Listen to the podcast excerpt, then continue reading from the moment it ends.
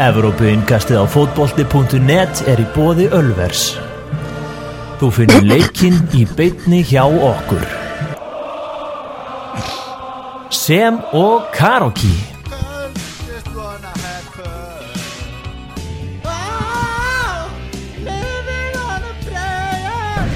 Píla, hú, mjöður, pítsur, hambúrgarar, stemming. Allt á Ölveri Glæsibæ.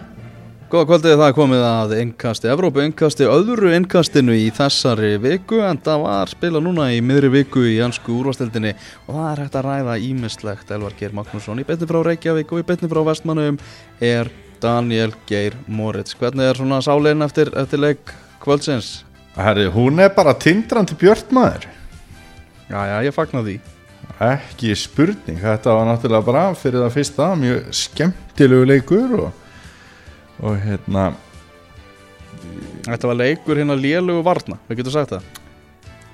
Það sem ge gerða verkum þessu leiku var svona skemmtilegur var, voru ógrinni að mistökum og, og svona klaufahátti Já, en markmennitin voru nú líka ekki að hjálpa sínu vörnum sko. Nei, nei. Þannig að hérna Jú, vissulega bara Já, leikur, lélegs varnarleiks og markvæslu einhvern veginn og, og það máttu nú svo sem búast við því þegar þessi tvö lið er að mætast og maður hafði smá áhyggjur að því að bæði liðmyndi svona kappkosta að drepa leikin en það var reynd ekki en það náttúrulega svona sóknar möguleikar hjá báðum liðum til þess að hleypa honum svolítið upp. Og úr var náttúrulega bara þessi fínasta skemmtun Já, já, skemmturinn vantaði ekki hana. Uh, áður við förum á fullíðina leik þá minnum við það hér á eftir. Þá ætlum við að fara aðeins yfir leikmannakaupin hjá sex stærstu liðum ennsku úrvarsleitarinnar sumarkaupin og ætlum aðeins að, dæma þau, ekki, ekki missa því. En þessi leikur Manchester United og Arsenal endaði 2-2 þar sem Arsenal kemst tvísvar yfir. Manchester United jafnar hérna strax eftir það og, og þetta er fjórðarleikur Manchester United deildinni þar sem að liðið, liðinu tekst ekki að vinna. Ef við bara byrjum á byrjunarliði Manchester United hversu svona já ósexy var þetta byrjunarlið á, á papir bara, mjög þetta mjög? Já og maður er svona hvað maður að segja? Manni hefði fundist þeirra lag að vinna Manchester United á Old Trafford í þessu leik með að við hvernig byrjunarliði var þess vegna eru held ég Arsenal menn spældir að hafa ekki tekið þrjústig en á móti kemur að eh, Arsenal hefur yfirleitt ekki fengið neinstig á þessum velli þannig að maður veit eiginlega ekki alveg hvort fótir maður á að stíga. Nei, veist ekki alveg hvernig það átt að bregðast við það bara, ég meina stjóri Sáþántón var rekin fyrir að vinna ekki Manchester United, þannig að þú átt að vera svektur bara, miða við skilur ef við bara horfum á hvernig svona gengið þessara liða hefur verið upp á síðkastli Þannig að þú ert að kalla eftir því að Emery veri rekina því að þetta var bara ja. alls ekki. En þetta er, þú veist, þetta, það er ekkit lengur bara, þú veist, fyrir lið eins og þú segir, eins og Arsenal sem að gengur alltaf svo brösulega í þessum stóru leikjum, Já, bara á, þa- þarna var bara tímabúntir sem áttu bara að fara á Old Trafford og vinna. Já, algjörlega og hérna, sérstaklega miða við hann er alltaf 20 í þessu það er alltaf bæði skakkafull í United liðinu að að þeir náttúrulega gáttu ekki stilt upp það reytan veit engi hvernig það lið er þeirra sterkasta lið en þeir gáttu allavega ekki stilt því upp og þurft að fara í eitthvað svona alls konar einhvern veginn til að ná einhvern veginn svona nörla saman í eitthvað byrjunarlið og svo náttúrulega á móti kemur hvernig gengið hefur verið á, á, á báðum liðum. Hann er að hérna, ég held að Arsenamenn séu kannski þá svona miða við að vera það er, það er ekkert meira pyrrandi í fótbolta heldur um vonin. Og, og þegar Arsenamenn voru farnir að fá von að þá held ég Arsenamenn séu pyrraðari eftir þennan leik heldur endilega Manchester United stuðnismenn Mourinho tekur bara Pogba út úr liðinu og það virkilega verðskulda. Pogba ömulur á móti Southampton og, og, og svo er náttúrulega komið þess að fréttur um rifrildi Mourinho og Pogba í klefanum. Áhugavert svona hvað lekur mikið úr búningslega Manchester United um, um þessa mundir. Uh, að tala um það að hann hafi sagt að, að Pogba væri vírus. Mm -hmm. og þetta kemur sko í Times er, sem er svona áræðanlegur fjölmiðill Já. sko. þetta er ekki bara eitthvað götublað sem, að, sem er að skálda eitthvað upp Nei að ná, þannig að þetta er þetta er svona áfram heldur bara róðurinn að vera hrikalega þungur hjá United og Mourinho misti það út úr sér reyndi að draga eitthvað tilbaka fréttamannafundi, fór í eitthvað viðtáli brasilískan fjölmiðl og sagði sannleikan að það þurfti kraftaverk til að Manchester United myndi enda í toppfjörn Mhm. Það var svolítið sem að gerði marga United menn alveg mjög pyrraða og, og einhverju sem myndust á bara þetta verður fara að minna svolítið á Moist tíman þar sem hann var alltaf innu farin að tala eins og Manchester United væri bara Southampton eða eitthvað. Já, já, og náttúrulega talaði um hérna e, frægast ummáli Móis var það ekki fyrir leikamóti Manchester City þar sem hann var að tala um að City var í sigurstrangleira liði fyrir leikin Já, Veist, engin engin knaspundistjóri Manchester United hefði getað left sér að tala svona í hans stöðu en það komst hann ekki upp með að vera þarna lengi. Eh, ég veit það ekki. Jú, jú, þetta er Groundhog Day einhvern veginn orðið hjá Manchester United og, eh, bara þetta tímabil. Það er bara þetta er ekki að smetla en ég skal hundur heita ef að þeir taka ekki þrjú stig á lögadaginn og móti fúlham en hérna það er samt leikur sem að Ég- maður ég er svona spenntu fyrir sko. ég til bara mjög líklegt að þú munir heita hundur eftir helgina sko. það, það, er, það er ekki flóknar en það sko. Það, Hvernig fannst þér Marcos Rocco í leiknum? Hann var náttúrulega bara mjög slagur það verður bara að segja Þetta var svona rússipanna leikur hjá hann ánfælis og aukaspilnir sem býtir fyrramarkið hjá United og langa sendingin hans skapar síðan hennan fárálega varnar vandraðgang í vörninni hjá, hjá Arsenal sem að síðan gefur annamarkið mm -hmm. það var svolítið svona furðulegu leikur. Já og hann náttúrulega gefur þetta setna mark, ég held að hann skori setna mark Arsenal, Nei, ég held að það verið laka sett heldur þessi lagasett? Já, mér síndist vera svona smá snerting frá honum að því lokin. Já, ég Það skiptir ekki öllu máli, þetta var bara fyndi mark og... mjög fyndi mark og, og hann náttúrulega hvort sem hann hafði algjörlega klárað að ídónum yfir línuna eða ekki var náttúrulega erfitt að sjá að þá náttúrulega Já. skapaði hann þetta mark með einhverju sprelli leik hérna í vörninni og Mkhitaryan hirti náttúrulega bara á hann boltan en ég veit það ekki mér fannst Arsenal hérna, heilt yfir í þessu leik sterkara liðið og mér fannst þeir reyna meira til þess að vinna leikin og mér fannst mjög áhuga að vera skipting. Þegar hann setur lakasett inn á þá var hann ekki að virða stíið á Old Trafford. Þá var hann bara svona að setja meira púður í til að sækja þrjústega á Old Trafford. Og hérna mér fannst það svolítið svona einkenna uh, svona uh, Arsenal í þessu leik. Arsenal saknaði Granit Xhaka mjög mikið í kvöld fannst mér. Mm. með hans þérna Guendouzi ekki ná að fylla hans e, skarð nægilega mikið. Og það og meðan Torreira þá ekki alveg njóta sín e, eins mikið og, og, og hann svona á að geta gert en hann var samt góður í þessu leik. Og Guendouzi var ekkit eitthvað slakur en, en hérna, þetta kom bara einhverju svona riðli á leikin og maður var svolítið svona spenntur fyrir að sjá Ramsey koma inn í staðin fyrir Mkhitaryan að því að Mkhitaryan hefur ekki staðið sinni eitt rosalega vel og Ramsey átti náttúrulega frábæra innkomi á móti Tottenham. Þannig að ég var mjög svona spenntur fyrir þessu byrjunarliði fyrir utan það að Guendouzi væri þarna að byrja. Meðan það ekki skemmtilegt en e, já, hann er að þetta er svona hvernig þessi leikur svona horfi við mér. Með hans þetta bæði uppstillingin hjá United vera svolítið svona varfærnisleg og daldi neikvæð. Og hérna e, Þetta voru eiginlega sko bara sjö leikmenn í varnarhlutverki og svo svona þrýr fljótir frammi sem átt að búa til eitthvað usla. Já og með svona vörn eins og Arsenal býður stundum upp á að þá hérna komist þeir upp með það sko. E, mér fannst bæði mörkin hjá Arsenal e, að einhverju leiti Bernd Leno að kenna.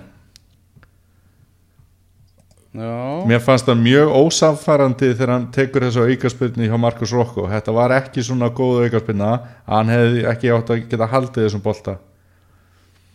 Og svo var náttúrulega mjög sérstakt og það kannski skrifast ekki á Leno hvað boltinn á einhvern veginn að leka síðan inn í tegin aftur áður en Martial skorar og það var mjög vandraðalegu varnarleikur þegar hérna, Ander Herrera nær að koma boltanum aftur inn í tegin hann einhvern veginn svona lag bara rosalega hægt og langt inn í tegin og, og, og það var bara eins og allir voru að býða eftir því að einhver annar myndi taka hann og svo kom Martial bara og þrumaði marki sko. setna marki hjá Arsenal þá er þá kemur þessi vandræðagangur og auðvitað skoppar boltinn eftir sendingunni hjá Rokko og þá byrja strax að vera þetta vesen en Kolasína kemur sér síðan í stöðu og þetta er eina skiptið í leiknum þar sem Bernd Leno hangin er á línu. Og veistu þetta að varnamennirni treysta á það að hann sé svolítið framar. Þá fannst mér hann klikka bara í sinni stöðu, hann var alltaf aftarlega og undir eðlulegum kringustæðum hefði hann sópað upp þennan bolta. Mm. Mér finnst þú mjög ósangjarn eins og venjulega bara í Garð Bertlelu Þú hefur hotni síðu hans. Alls ekki en ég ég ætla bara að tala um út frá þessu mörgum þar sem að hann hefði átt að gera betur og þá sérstaklega í setnamarkinu þar sem að hann er ólíkur sjálfur sér að vera svona vittlust staðsettur og, og hérna sé ekki svona já, þetta, þessi, sópur sem að hann er gjarnan og er náttúrulega bara mjög góður í En talandum að vera slagur pródúsentin á leiknum bara ennsku sjómasmenninir og næstu bara búin að missa báðu mörgum mannsættur og nættið sko. já, bara ótrúlega útsending á köflum sko. og líka bara svona lengi að nýta moment með að endur sína hitt og þetta og það er nú ekki oft sem að við sjáum þetta svona lélegt í ennska bollan Nei, nei, þeir eru venjulega algjörlega með þetta bara upp á tíu sko. Já, en hérna það var eitthvað sem var pínu skrítið þarna og, og, og, og hérna sérstaklega náttúrulega í þessu setna marki hjá United, mm. síðasta marki leiksins að hafa náttúrulega já, voru þeir allt og lengi einhvern veginn að hissi upp með sig. Hvernig að sjá við Rob Holding spila fótbolta aftur? Þetta leit ekki vel út þessi meðsli á honum? Oh, Nei, og ég bara sann að sakna mjög leiður yfir þessu. Auðvitað, ég er nú bara svona þannig úr garði gerður að ég hef nú aldrei fundið fyrir þórðakliði þegar einhver leikmaður meiðist. Og uh, Rob Holding er búin að vera flottur á þessu tímabili og alltaf að finna sér betur og betur sem svona vinstri bakurður í þessari þryggja hérna, hafsenda línu. Og hérna við, við erum ekki að fara að sjá hann held ég hvað var að segja? Ég held að Þorrin verði búinn ég held að Íslandíku verði allavega búinir að fá sér hákallar og við fáum að sjá hann aftur sko. Já, já Þarna eitt með mistökin hríkalu hjá David Igea já, guð minn almáttugur sko. sem náttúrulega bara þetta mark skráist algjörlega á hann. Já, en a, það sem ég vildi hins að ræða er sko fannst þér ekki herri er að geta gert betur? Jú hann var svo ótrúlega slakur þarna niður á lín hann, hann gerði sér ekki alveg grein fyrir stöðunni því hann tekur alltaf inn eitthvað skref aftur á bakk inn í markið. Mhm. Áður en hann tekur boltan sko. Mhm. hann var eitthvað en að lesa aðstæður alveg kolra hann drullaði bara á sig. Hann hefði bara getað komið í veg fyrir þetta. Já, já, já, já, ég meina það er líka ekki eins og boltinn hafi verið þarna og ógnar krafti þú veist, Alls hann sparkar nákvæmlega í boltan eins og hann ætla sér. Og það er ekkert hérna, óðagott á honum í þessari hreinsun þannig að, jú, ég er alveg hjartalega sammála því, þetta er raun og verið þrennt sem að er að klikka, það er náttúrulega Mustafi er að fá allt og allt og frían skalla með það sem við viljum sjá í varnarleiki ennsku úrvasteildinni og svo kemur náttúrulega bara þessi aðal mistökin í markinu eru náttúrulega DG og svo á náttúrulega átti Ander Herra að bara reynsa hann að bolta í burtu bara. Og hérna mér fannst samt einhvern veginn mér fannst eins og þetta hefði bara verið inni af því að þetta var svo langur tími sem að líður á meðan DG að missi boltan ég er náttúrulega fór að öskra sjónvarpi úrið, úrið, úrið vildi fá úrið í gang sko. Þannig að ég var helviti sáttur þegar það fór svo í gang og hérna, jú, léléttu herrera. Mm -hmm. Mannsættur þetta er núna nýju stegum frá fjórða sæti deildarinnar? Ég skal segja eitthvað það. Með 22 steg meðan Chelsea er í fjórða sæti með 31 Arsenal er, er stíi á eftir. Nei, eru þeir ekki líka með 31? ha, er ekki Arsenal og, og Chelsea jöfn stig? Jú, jú, jú, Já, það er rétt. já. einhver, einhver hluta vegna þá eiga mínu menn hérna eftir að henda inn úrslitunum og þeimleik Já. já, þá er þau bara áttastegum til að Manchester United. Mhm. eða bara áttastegum frá fjóraðsætinu Já, Herðu, hérna vindum okkur yfir í viðra Burnley og Liverpool. Það er gleði hjá stuðningsmönnum Liverpool þessa stundina því að uh, þessi byrjun, þessi uh, stig, 39 stig sem að Liverpool hefur náði í eftir 15 umferðir er besta byrjun Liverpool í efstu deild frá upphafi. Því miður fyrir þá þá er þetta akkurat á sama tíma og þetta ótrúlega lið Manchester City er, er uppi sem er svona vissu liti svekkjandi en þessi leikur náttúrulega á móti börnlega átt að vera gönguferð í garðinum. Við tölum um það í síðasta innkasti hversu ótrúlega lélegir börnlega voru á móti Krista Pallas liðið algjörlega rúið öllu sjálfströsti og allt það. Þannig að þetta var frekar strempil fæðing hjá Liverpool sem náttúrulega lendir undir í þessum leik það Jack Cork skorar og, og vissulega ímislegt að, því marki sem að maður mað getur sett spurningamerki við hvort að það hefði átt að standa. Já, fannst þér, þetta að vera aukaspinna? Ég eiginlega veit það ekki sko. Jú, mér fannst það. Já, mér fannst það eiginlega líka en hérna, mér fannst það alveg svona samt ósamfærandi Já, en bursið frá því hvort hann hefur ósannfærandi þarna þá var hann hins vegar ókjæslega góður í þessum leik. Mhm. uh, James Milner jafnar 1-1 svo skora Roberto Firmino nýkomin er hans að varmaður Leifupúl mann mikið búin að vera að klóra sig í haustum af hverju hans er búin að vera svona slagur en hann skora hérna bara með fyrstu, fyrstu snertingu. Og síðan er það Sjartan Sakiri sem að gerur út um þetta uppbóta tíma en rétt að undan fekk börnuleg hotspinnu sem skapaði mikla hættu og Alisson náði að, að, að verja þar. Þannig að jú, stíin urðu þrjú hjá, hjá Leifupúl en enn eitt svona barningssigurinn má ég að segja hjá þeim en á heimbóðin þá eh, er ég búin að lesa það að þeir hafa átt til að hreinlega frábæra setniháleik í, í þessum leik og, og Störrits hann var settur svona aðeins aftar. Hann var eiginlega bara orðin leikstjórnandi á, á miðjunni og skilaði því hlutverki víst virkilega vel frá sér og, og Nabi Keita var einnig fínt rós fyrir þennan, þennan sigur Leopoldmann Sko Nabi Keita var náttúrulega óheppin að skora ekki þegar hann tók svona eins og þú myndi kalla það þrjusubombu Já, með vinstri þar sem að boltin er á leiðinni ekki með snúning en upp allan tíman og Joe Hart tók einhverja geggjaða markvæslu þar sem að hann sló boltan í stöngin og í hot hins vegar þá er mögulegt að þetta hefði bara farið í stöngina en maður náttúrulega veit það ekki alveg þannig að eh, ég eh, rendi yfir þetta byrjunarlið með mitt hérna Liverpool stuðningsmanni og ég hugsaði með mig bara fyrir hennar leik eh, Liverpool er að fara að tapa í kvöld. Bara þú veist og hugsaður þá ekki að nei, alveg rétt, þeir að gefa móti börn Nei, og ég hugsaði að þetta væri svona of mikill sjens að taka því að kvíla leikmenn í einu leik En Málið er það bara Liverpool er ekki sama lið og var. Þú veist, fyrir tveimur árum síðan þá hefði þetta lið, það bara, jafnvel bara einu þá hefði þetta lið aldrei unnið þennan leik sko. Nei, og málið er líka að Burnley er bara ennþá mikið, mikið meira drastleildur en ég bara er ennþá að fatta. Já. Þú veist, það er líka stóra máli í þessu. Horfðu nú á, á, á stóra hluta þessu leik með Benedikt Bóas Hinriksinni Já, og Benedikt, uh, hann er með í útastættunum fótbolti.net fyrir tímabilið. Þá spáði hann börnleg falli úr, úr deildinni.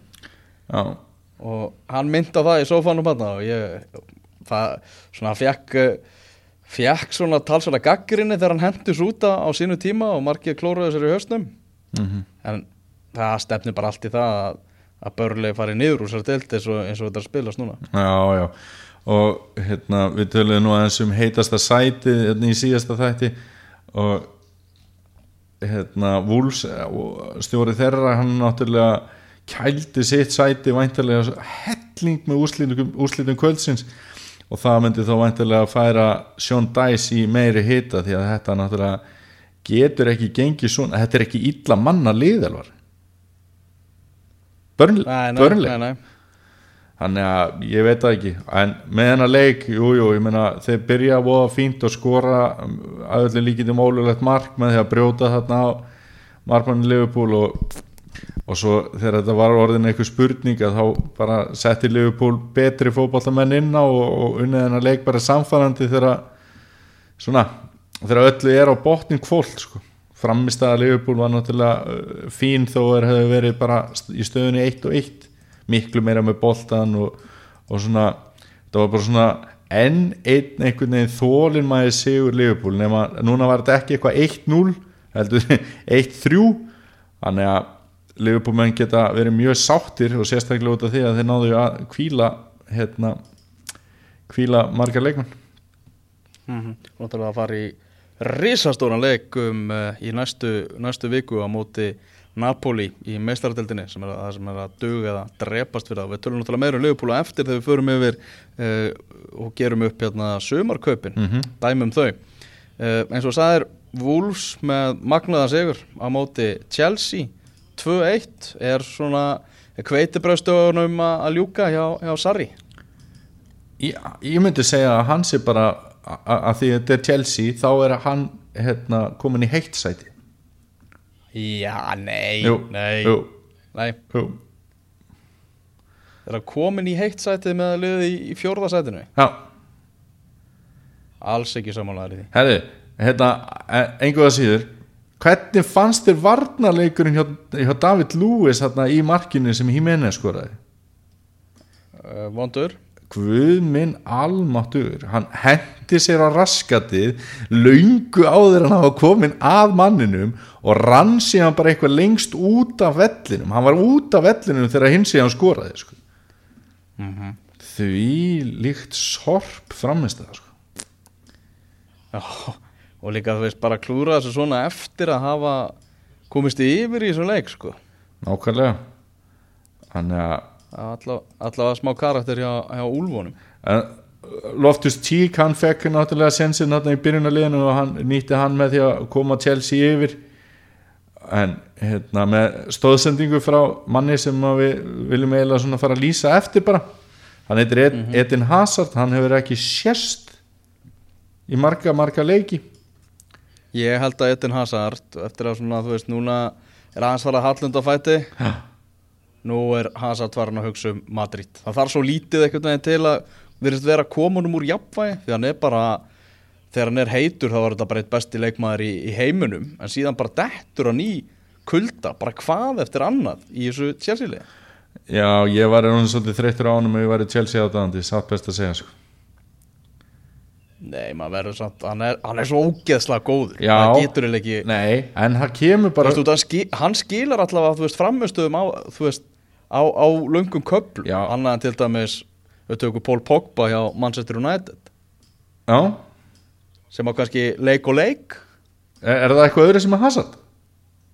já, Hazard á miklu lengri kabla hefur sér bara upp á tímabil sem sé á Edin Hazard. Pogba hefur aldrei á United ná svona kabla Nei, nei, það er svo sem alveg rétt. En mér finnst Edin Hazard samt bara hann á að gefa Chelsea meira. Hann á að skora 20 mörka tímabili. Hann er í því hlutverki. Hann er að fá þær mínútur. Hann er að fá það frjálsræði. Chelsea liði spila það mikið út frá hans styrkleikum og þetta er bara ekki nógu gott hvað hann gefur liðinu. Hvort sem, að, hvort sem að Paul Poppa sé Manchester United eða ekki, það kemur bara málun ekki við. Myndum okkur yfir í viðræk Tottenham og Southampton. Southampton náttúrulega búið að ráða nýjan stjóra. Já, uh, en hann stýrði liðinu hins vegar ekki í kvöld. Hann er, eh, var bara kynntur í dag og hann stýrði sínu fyrsta leik hvað er ekki á móti Cardiff um, um helgina já Já. útileikur Það hins er- vegar þannig að ég held að Kart, hann byrja á tapi. Ralf Hasenhöll heitir, heitir austaríkismæðurinn sem að sem að eh, tekur við liðinu var í stúkunni í kvöld og ég veit ekki hvað hann hefur hugsað þegar hann horfði á, á þennan leik því að tóttina var miklu, miklu betra lið. Já, hugsa og ekki hugsa er þetta ekki bara hann, hann, veit, hann, ekki, hann veit það náttúrulega. Og eh, er, er þetta ekki bara svona ekta að maður hug, og veist, eins og með hann er þetta ekki svona ekta vá hvað ég er fegin að hafa ekki tekið við líðinu fyrir þennan leik. Og það er svo oft sem að stjórar fá sinn fyrsta leik það sem að er mæta einhverju sem á að vera eitthvað drasl.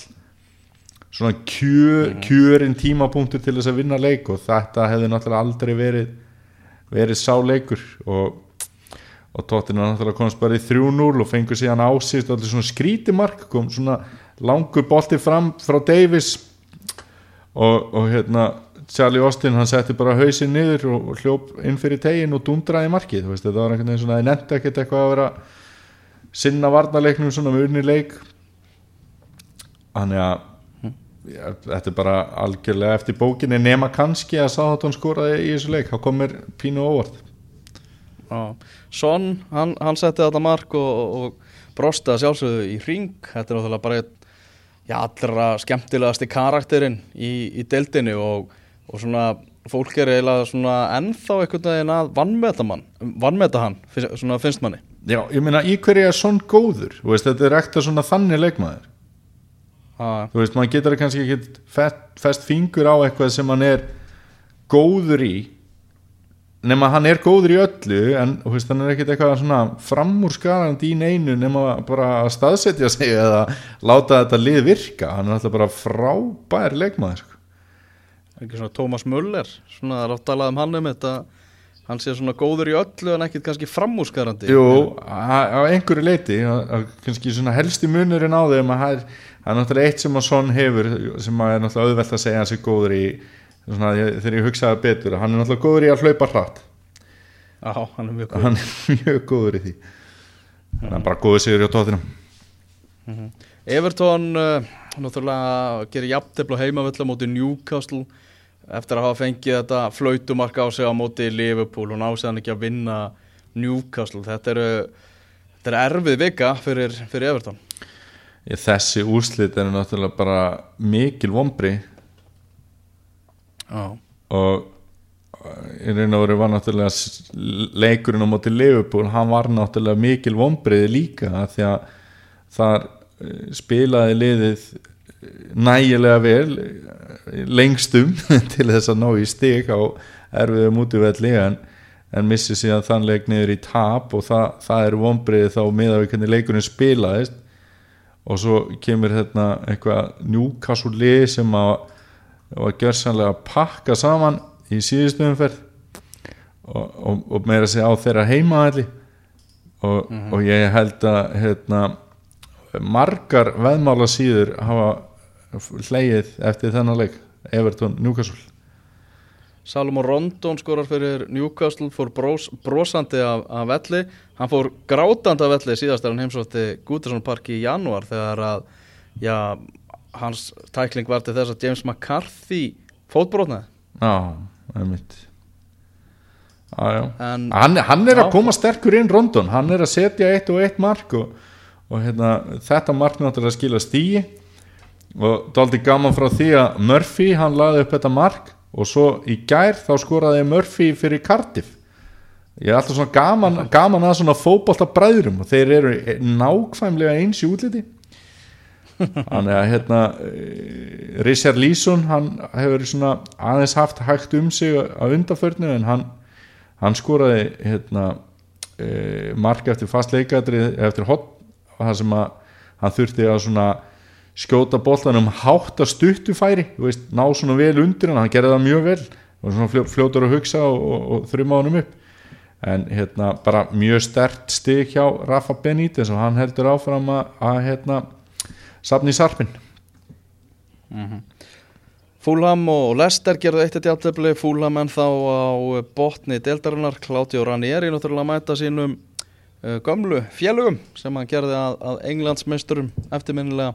Og þarna jafnaði James Mattisson og, og tryggði stig og heldur áfram að, að uh, já, svara gaggrinninni frá þér Já, algjörlega. Og, og hérna e, mjög áhugaverð tölfræði með Lester sem að hérna það er svona erfitt að kannski segja hún sé skemmtileg eh, eða, eh, já, en áhugaverð. Að mér telst til að Lester hafi ekki tapa leik eftir að eigandinn dó. Ah, það, en, menn, já, maður til að þú veist það þjappar, þjappar liðinu klálega saman. Veist, það er í raun og veru ótrúleg tölfræði sko. já, veist, það er, að er hans vel Byrju, ég ætla að spóla hérna. 20. á annan oktober tapaði Lester síðast leik já, já, það var, það var gegn eh, Arsenal uh, útileikur hjá Lester þannig að þeir hafa gert reyndar alveg sæga jafnteflum en þeir eru í ágætu stöðu í deildinni hins vegar. Þannig að ég held að þeir getur svona vel við unna þegar desember er svona gengin í garð það, þeir sína stöðu. Sérstaklega náttúrulega í ljósi bara alls sem á undan er gengið. Rennum við leikina sem að voru í gær. Watford, Manchester City 1-2 Það var óvænt uh, spenna í lokin í, í þeim leik. Ég horfði á þetta og Manchester City verðist vera með þetta bara algjörlega í teskeið.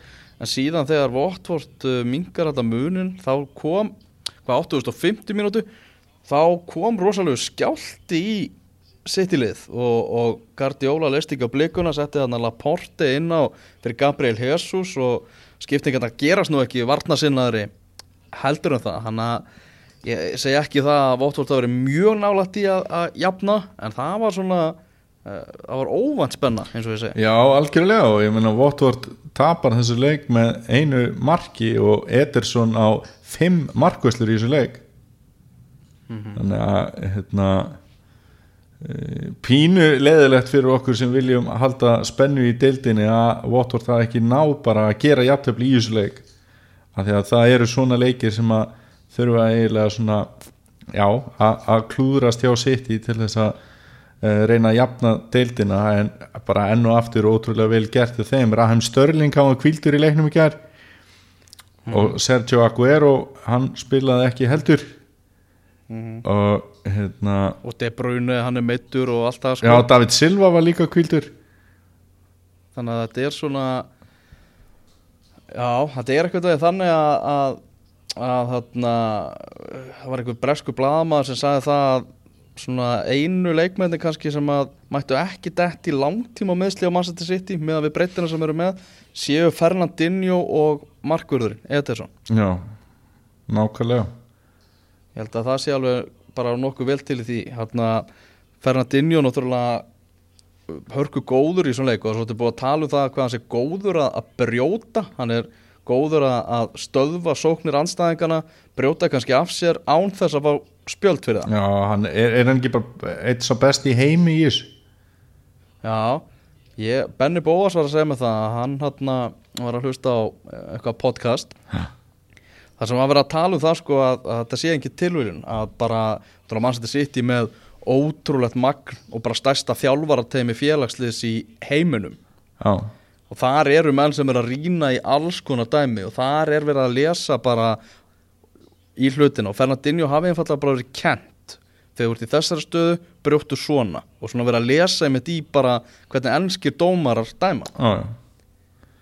Ná, þannig að nákvæmlega. það er, menn er að kafa ansi, ansi djúft í þessu. Já, ég meina eh, er ekki líka hægt að segja að það hafi verið svona stíin skref til þess að leysa Fernandinho af hólmi en hann einhvern veginn stendur allt af sig bara eh, orða að má, máltæki segir eins og kakkalaki skiluru, þú veist að hann er bara ólsegur og hérna lætur ekkert býta á sig. Ég meina Fernando kom þarna til skamstíma, hann átti svona að spila Fernandinho út úr liðinu svona stærri og sterkari. Það gekk ekki.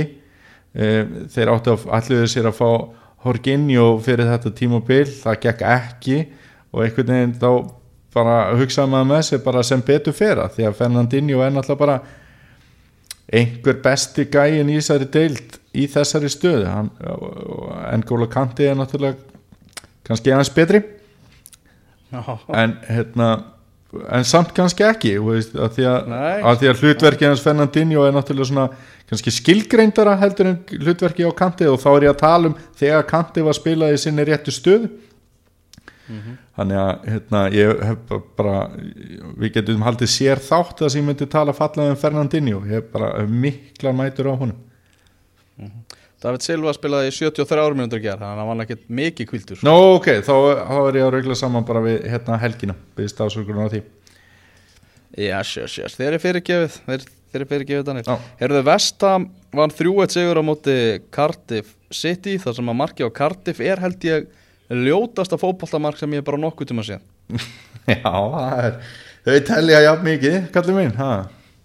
Já, já, gaf, gaf reyndar Cardiff voðalega lítið í, í þessum leik en Aron Einar uh, var að skoða Wales Online í dag og þar er verið, að- þeir eru náttúrulega að fylgja Cardiff gríðarlega vel eftir og voru með einhvern að gjöf liðsins og þar var Aron Einar hæstur og sagt að hann hefði verið að verið sá eini sem hafi veitt hömrónum hérna mótspilnu og náttúrulega stigasöfnurinn farin að tikka inn hjá Cardiff eftir að, eftir að hann kom úr meðslum og það segir sitt að eftir leikin það var Vornokk á fréttamannafundi spurður svona út í janúar klukkan og hann sagði já við þurfum að styrkja vörnina svo þurfum við að fá eitthvað mann eh, ef að Aron Einar dettur út. Það er bara þú veist einhvern sem getur leist hann af hólmi því að sáleikmaður er ekki til. Hann er bara það gríðarlega mikilvægur fyrir þetta kartiflið Já, já, það er náttúrulega ekki bara sem knassbötu maður, heldur ekki síður sem manneskja, við vitum hvað hann gerir mikið bara svona með sínu atgerfi og, og, og, og öðru eh, inn, þetta er svona inni á brett velli. upp ermastrákar Já, sko. já, hann er að hérna Norðurlandi náttúrulega eh, herti þennan skráp og, og hérna þetta er náttúrulega bara geggja að gæja að hafa það sínu liði eins og við Íslendinga vitum vel en hann er ekkert svona frammistaða hans og með íslenska landsliðin er ekkert eitthvað sérstök fyrir það hvernig hann er. Þá er ég meina bara þú veist, sérstök eins og special þú veist, það er bara lýsandi fyrir það hvernig hann er. Já, já, ég held ég að við skilji Hérna, Brighton með rosalega mikilvæg þrjú stig, eru konið upp í tíunda seti vinna þrjú eitt sigur á móti Crystal Palace með leikin sjálfan ég hef nokkið mikið að segja um það en áhugavert að það voru tíu áhörfundur leiksins handteknir, það hafa verið svona ítlindi milli þessara tveggja stuðningsmannahópa og meðal hans var einn uh, handtekinn vegna þess að maður sakar um að kasta böku, svona pæ í Vilfrid Saha. Já, ok. En hann er ekki vinsælt meðal Brighton-stundismanna eftir að hann skoraði tvisvar í umspilinu 2013 gegn þeim Já, og tvisvar síðan í úrvalstildarleika á Selust Parka á síðasta tímabili. Þannig að þeir þóla hann ekki vegna þess að hann er svo góður á móti. Já, ég bara sko, ég fekk mér böku einu sinni mitt á heimavilli Krista Palas og, og það, þær eru ógeðslega heitar. Veist, þannig að það er ekki hægt að borða þetta þannig að þetta getur verið stór hættulega sko. en Þeir eru svo vann Bornmáð 2-1 sigur á móti Huddersfield þar sem að Brian Fraser heldur bara áfram. Hann, hann ennir ekki að hætta. Nei og ekki Callum Wilson heldur. Þetta eru bara gæjar sem eru bara virkilega að delivera og þeir voru báðir með sikkort marki og sikkora stóðsendinguna í þessu leik. Þannig að hérna, virkilega fín sigur hjá hérna, hjá Bornmoð þó að þetta hafi verið á móti höttursvild en maður hafa bara veist, að halda áfram að vera að taka inn þrjú stig og þeir eru fyrir ofan mannstur United í töflunni. En ef við tökum svona þessa þrjá leiki svona aðeins saman, Vestham Cardiff, Brighton Palace og Bournemouth Huddersfield það sem var áhugavert líka í Vestham Cardiff þá var að Lukas Peres, hann skoraði tvö mörg og, og hérna Marko Arnautovic, hann fór meittur á velli. Þannig að það er svona ekki búist við því að hann muni leika fótbolta endilega alveg á næstinni mögulega meittur út árið. mögulega, hann talar eins og sé lengi frá sko. Já, akkurat þannig að hann er lí- líklega ekki meira með á þessu ári allavega og þannig að það verður uh, svona forunlegt hvernig Vestam leysir það, náttúrulega Chikarito kom sterkur inn í síðasta leik og Lukas Peris í þessum, þannig að kannski munið er ekkit saknans það mikið en maður veit það ekki, Duffy hann fekk raukt spjald á móti Krista Pallas, varnamaður Brighton og, og það kom ekki að sög og, og hérna Glenn Murray hann skoraði í þessu leik og hann fór líka meittur út af þannig að hérna hann verið spurning hvað hérna hvort að hann verið lengi frá. Og svo náttúrulega bara eins og ég sagði með Fraser og Wilson að þeir hljóta nú að fara að gera tilkall í einhverja einhver landslýsverkefni einhver frek, frekari landslýsverkefni skulle orða. Herru, vindum okkur yfir í sumarkaupin. Við ætlum að dæma sumarkaup uh, sex stærstu félagsliða Englands uh, Ég hérna fór yfir þetta aðeins í, í dag á, á skrifstofunni og ég skal bara segja það hér og nú að þau voru að standa sér vel þessi sex stóru á leikmannamarkaðanum Það er að segja þau sem fóru á leikmannamarkaðan Já. Getur sleppt Tottenham strax Því að þeir náttúrulega fengu engan leikmann. Mm En við tölum um það, við ætlum að nota svona umferðarljósin á þetta Grænt, gult eða raukt um mitt Og það var bara einn leikmaður sem að ég gaf raukt Í þessar yfirferð? Já, ok við, Bara einn. Ok, þetta ég, ég heyri það strax að við erum ekki að fara að vera endilega mikið sammála í þessu, já ég veit það ekki þetta verður fórunlega en svo var náttúrulega eins og við grínumst með hérna, í einhverjum þættum daginn með Musa Sissoko að, að, að hérna var, hefði ekki keft neitt, neitt og svo var mynd á honum bara who is this then? Að hann hefur verið góður en mjög áhugavert að Tottenham hefði ekki keft neitt. En hvaða lið ætlar að fara þá fyrst í? Ég ætla að byrja á þínum mönnum, Arsenal. Ok, og, og, og þú segir bara nafn og ég kem með ljós. Er það ekki bara svolítið þannig? Jú, gerum það bara. Mm. -hmm. Herruði, Bernd Leno, markmaður. Uh, bum, ég held að hann sé grætt Já, hann er grætt, það er bara þannig. Uh, Stefan Líktsteiner Hann er gulur Já, ég er líka með hann gulan. Mm. Sókratis, Hann er grætt hann er gulur hjá mér. Já, Bara vörnin í Arsenal hefur nú ekki verið það góð og að hann hafi eitthvað það miklu breytt. Æ, ok, ég ætla, ég ætla að vera sammálaður Ég ætla að setja gulan. Uh, Lucas Torreira. Já, hann Hann er bara grænasta peran held ég sem við munum fara yfir í kvöld en hérna, hann er grætt Það væri á nokkra vel græna Já, sko. hann er grætt Hann er algjörlega grætt uh, Svo er það Matteo Guendouzi er Strákurinn ungi Heyrðu rosalegt að fella ín í tógaði krullunar á hann? Herri, hvað, á þetta ekki vera raukt spjald eða? Jú, alltaf, þú tógar ekki til hárið á leikmönnum sko. Nei, ég held að fella inn í sakni svona að vera ekki með svona mikið hár. Þannig að hann var svona öfundsjúkur út í Gwendúsi þarna. Nei, ég alveg tala ég man nú eftir aðtöki úr íslenskum handbólta þegar Elísa Viðarstóttir handknallegskona var rifið niður í gólfið þegar sem hafa tókað í hárið á henni. Það var alltaf vittlust sko. En, en hérna við viljum ekki sjá svona. En ég, ég ætla að setja hann gulan. Mér finnst hann ekki vera grætt hann er svona hleypur voða mikið og voða duglegur en, en hérna kemur ekki alltaf nógu mikið út úr þessu en hann er ekki búin að spila kannski illa Gulur, hvernig ert þú með hann? Gulan líka? Nei, ég er með hann grænan Grænan?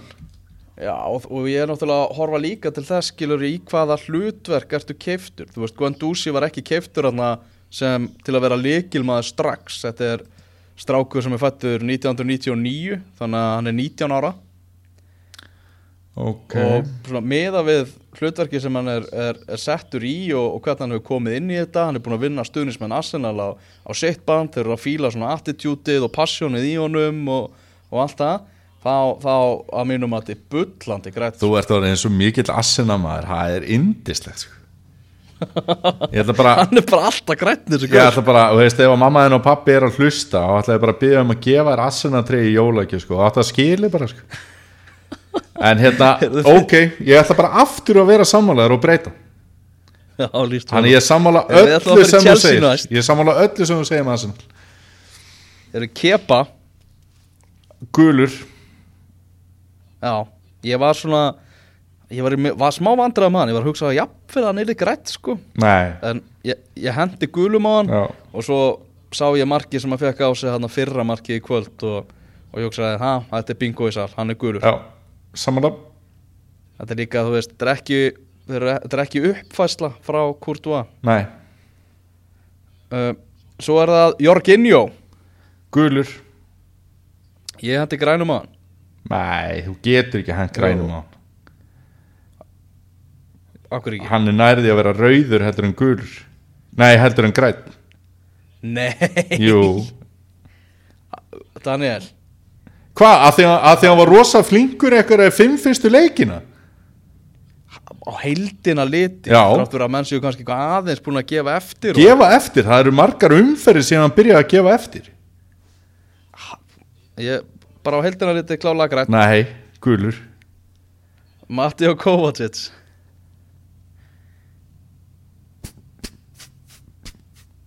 Gulur Já, það er bara svona skólabókadæmi um gulan held ég. Já, uh, Liverpool, við ætlum að fara í það. Þar verður nú eitthvað.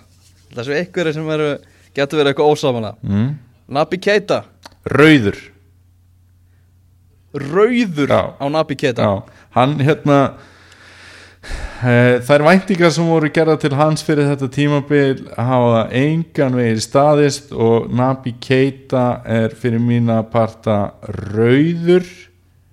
Og bara hans áhrif á Liverpool hefur bara verið með þeim hætti hann á ekki fast byrjunarlið sæti og með að við hérna, uppæðina sem hann keiftur á og væntingar sem voru gerða til hans þá, þá er hann bara vombrið Það er ekkit annað. Nei, hann, hann er svona kortur í að vera kannski gulur veist, hann er ekki eldröður en hann er rauður. Já, ég hendi, hendi gulum á hann. Já. uh, Fabinho. Rauður. Já Ég hendi, hendi líka gulum á Fabinho. Hvað er að þér? Já, já, ég veit það ekki. Þú ætla bara svona, ég heiti Elvar og ég ætla að vera góður við alla. Ég er svona, ég, ég veit það ekki. Og ég held ég sé alveg okkur Ég er ómikið að hugsa um eitthvað svona aðlögunarferli og bla bla bla og eitthvað svona. ég hugsa það líka alveg. Já, en hérna, en ég, já, jú, ég er eiginlega að det- detta með þér því það á heildina litið. Með, en sko, en Fabinho hann kom bara frýtt það ekki? nei, hann kom alls ekki frýtt Nei, hann kom ekki frýtt nei, og hérna Já, hann kom óvænt alveg já, já, Það var, var allt einu bara Liverpool kifti kall já, en það var samt ógeðslega óvænt því að það var ekki, það var ekki neitt skúpu um þetta og svo bara bam, keiftur og hérna, það er engin leikmaður sem hefur fengið, engin Liverpool leikmaður sem hefur fengið Liverpool Twitter til að loga meira á þessu tímabili heldur en Fabinho, hann er hann er, hann er eldröður Já, ég kem með þér það. Ég ætla að halda hann upp í keta gulum En ég kem með þér í Fabinho rauðan ok, uh, Alisson, markmaður. Grætt Rosalega greitt já, já, Þú veist, ráttur upp að hana Þá segja ég jafnvel líka bara Kaup sumarsins. Uh, mm, na, ok. Förum í, skoðum, skoðum bestu kaup sumarsins Hérna rétt á eftir. Ok. Sjardan Shakiri. Já, mér finnst þetta svolítið svona Þetta er rosalega einfalt, hann er. Já, Hann er grætt já, sko.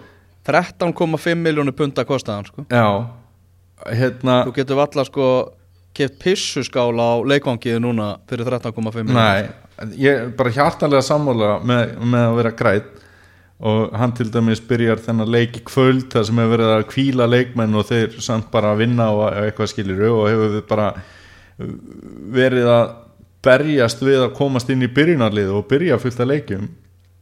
Það sem að mér finnst bara svo áhugavert er hver sá ekki hans framistuðu fyrir? Veist, er, hefur hann komið þér eitthvað óvart? Sko, þetta er kannski ekki, já, ég, ég fatt það, þú veist, er, er ómikið verið að hampa snilli Liverpool og ekki frekar að gaggrina bara heimsku annara félag. bara ekki spurning.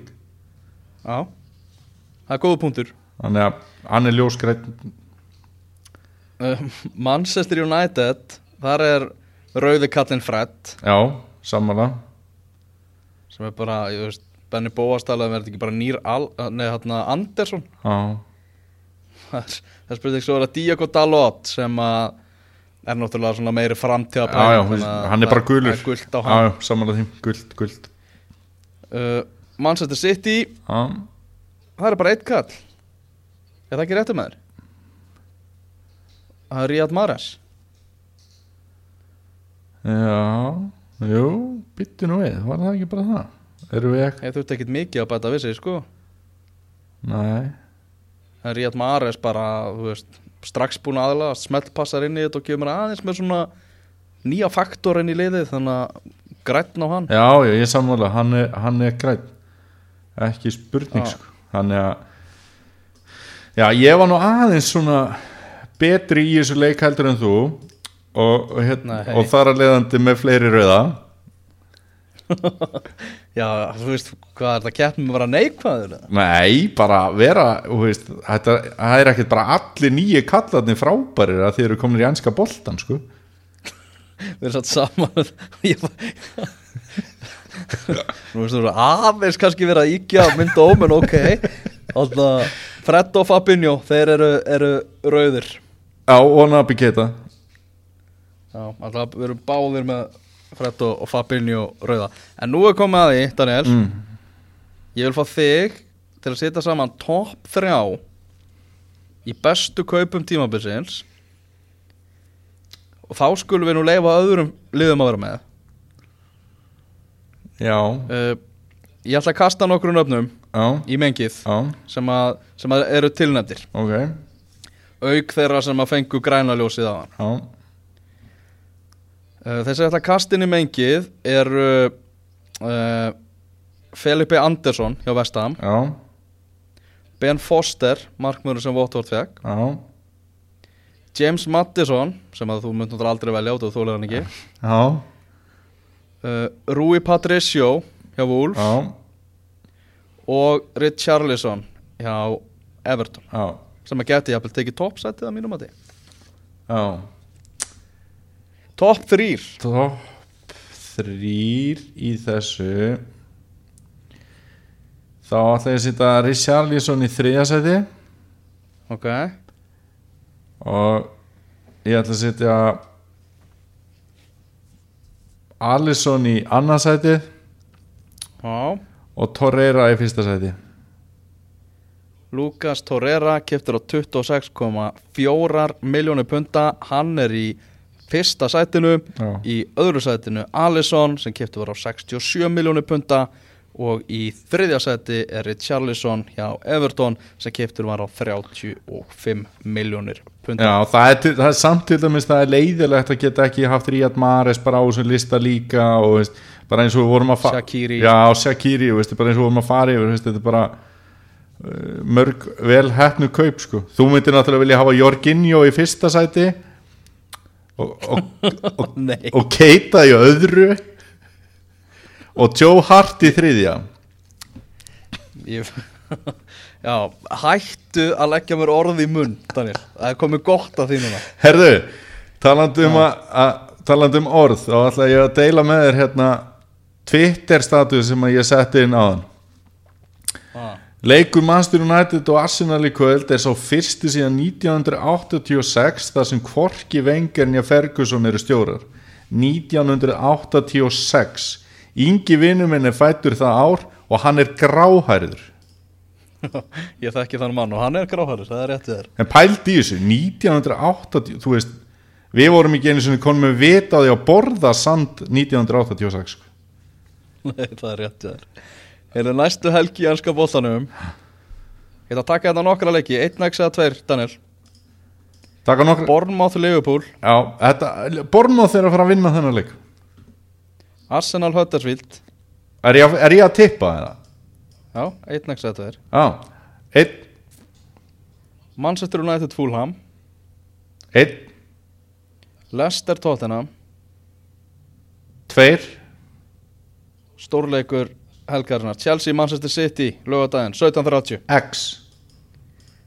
X Heyrðu það er, fyrir maður séu nokkra fréttamóla Modric, hann var valið leikmaður ásens eins og svona við var búist. Já, uh, átti náttúrulega geggjað ár komst í úslit HM og er náttúrulega með svartabelti í því að vinna í meistaradeildinni, búin að vinna meistaradeildina fjóru sinnum og gera það meðal annars á, á þessu ári og, og, og bara stórkostlegt ár. En þrátt fyrir þetta geggja ár hjá honum þá bara náttúrulega stendi við það að Ronaldo og Messi er ennþá bestu leikmenn í heimi mhm. Uh, River Plate mætir Boca Juniors á sunnudagskvöld Mhm. á uh, Santiago Bernabeu leikvanginum heimavelli Real Madrid.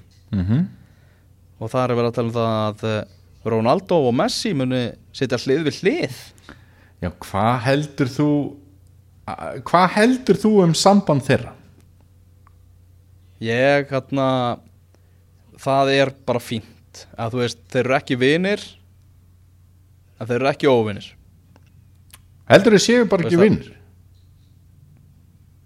held ég að sé, að þið séu heldur þið séu ekki bara vinir Nei, þau eru ekki vinnir sko. Nei, nei, nei, það er alls ekki vinnir sko. En þeir eru hérna En það er alveg gagkvæm virðing Og hérna Það er nú myndum Kristjánu Rónaldó Það sem að sést svolítið svona Bak við tjöldin og svona Það sem hann er með Sýni sínum Það sem að er verið að fara að afhenda gullboltan Mm.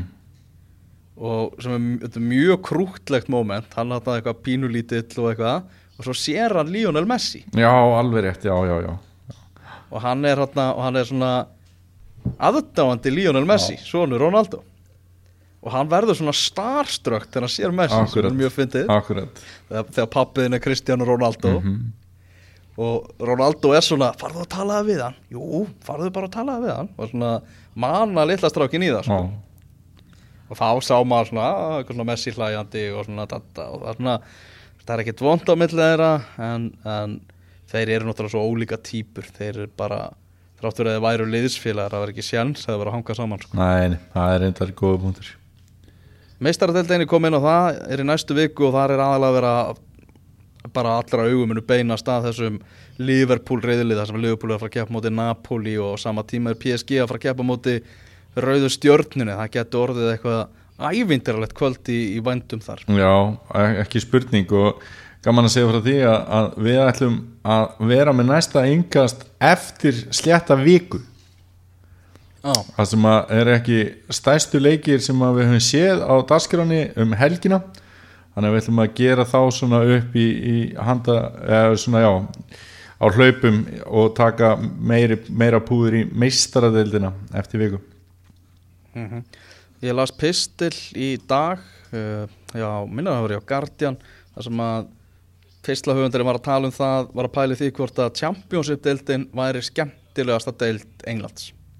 Og já, var svona kom, kom með svona ymsa punkta varðandi það og meðal annars það að að bara ótrúlegt magna af endurkomu sigurum í deildinni, liðir sem eru að lenda undir eru, eru að vinna leikina. Mm uh, mikið af svona skemmtilegu momentum og tilþrifum, mikið af ungum og efnilegum leikmönnum meðal annars sem eru í eigu úrvalsleitaliða sem eru þarna að blómstra og fá að spila og, og svo ertu með svona skemmtilega karaktera eins og til dæmis Bielsa mhm, í deildinni. Mhm. Þannig að það er svona hann sagði, veist, það þarf ekki að ræða það að gæðin eru meiri í úrvalsleitinni það er ekki að halda því fram sko. mhm, en bara tala um að skemmtana gildi leikjana og deildarinnar sé bara það ótrúlega mikið og sér bara töfluna, Norveits er efst með 40 steg, svo kemur Leeds með 39 svo koma þarna tvölið með 35 þrjúlið með 34 og mhm. það er, það er svo ótrúlegt magn leikja, þetta er svo fljóta að snúast við og, og allt það. Þannig að það er alveg viss rök fyrir því. Það er alveg hægt að halda því fram að Championship-deildin sé skemmtilegast deild Englands. Sko, einhver skemmtilegasti leikur sem ég er búin að horfa á í vetur var Championship leikur Aston Villa Birmingham Já, það var náttúrulega bilaði að bilaði leikur. þannig að hérna jú, jú, að, þetta er áhugaverð kenning. Ég, ég ætla samt að segja að ennska úrastildi sér betri. Það er að segja skemmtilegri. En, en hérna, ég held að Championship deildin fái ofta ekki alveg það kredit sem að hún á skilið og náttúrulega kannski að benda hlustendum á það að það eru alls konar fyndnir leikir oft og tíðum úr Championship deildinni sem eru síndir og ölveri þannig að það er um að gera að fara á sportbarinn.is og, og, og, og skoða svona hvað er framöndan og margt vittlusara heldur en að kíla á eitthvað góðan championship leik og, fá sér eitt skýt kaldan Það hljómar alveg afskaplega vel. Daniel, takk ég alveg fyrir í kvöld og við heyrumst eftir hvað, sletta viku? Herri, bara takk og sömulegis og innilega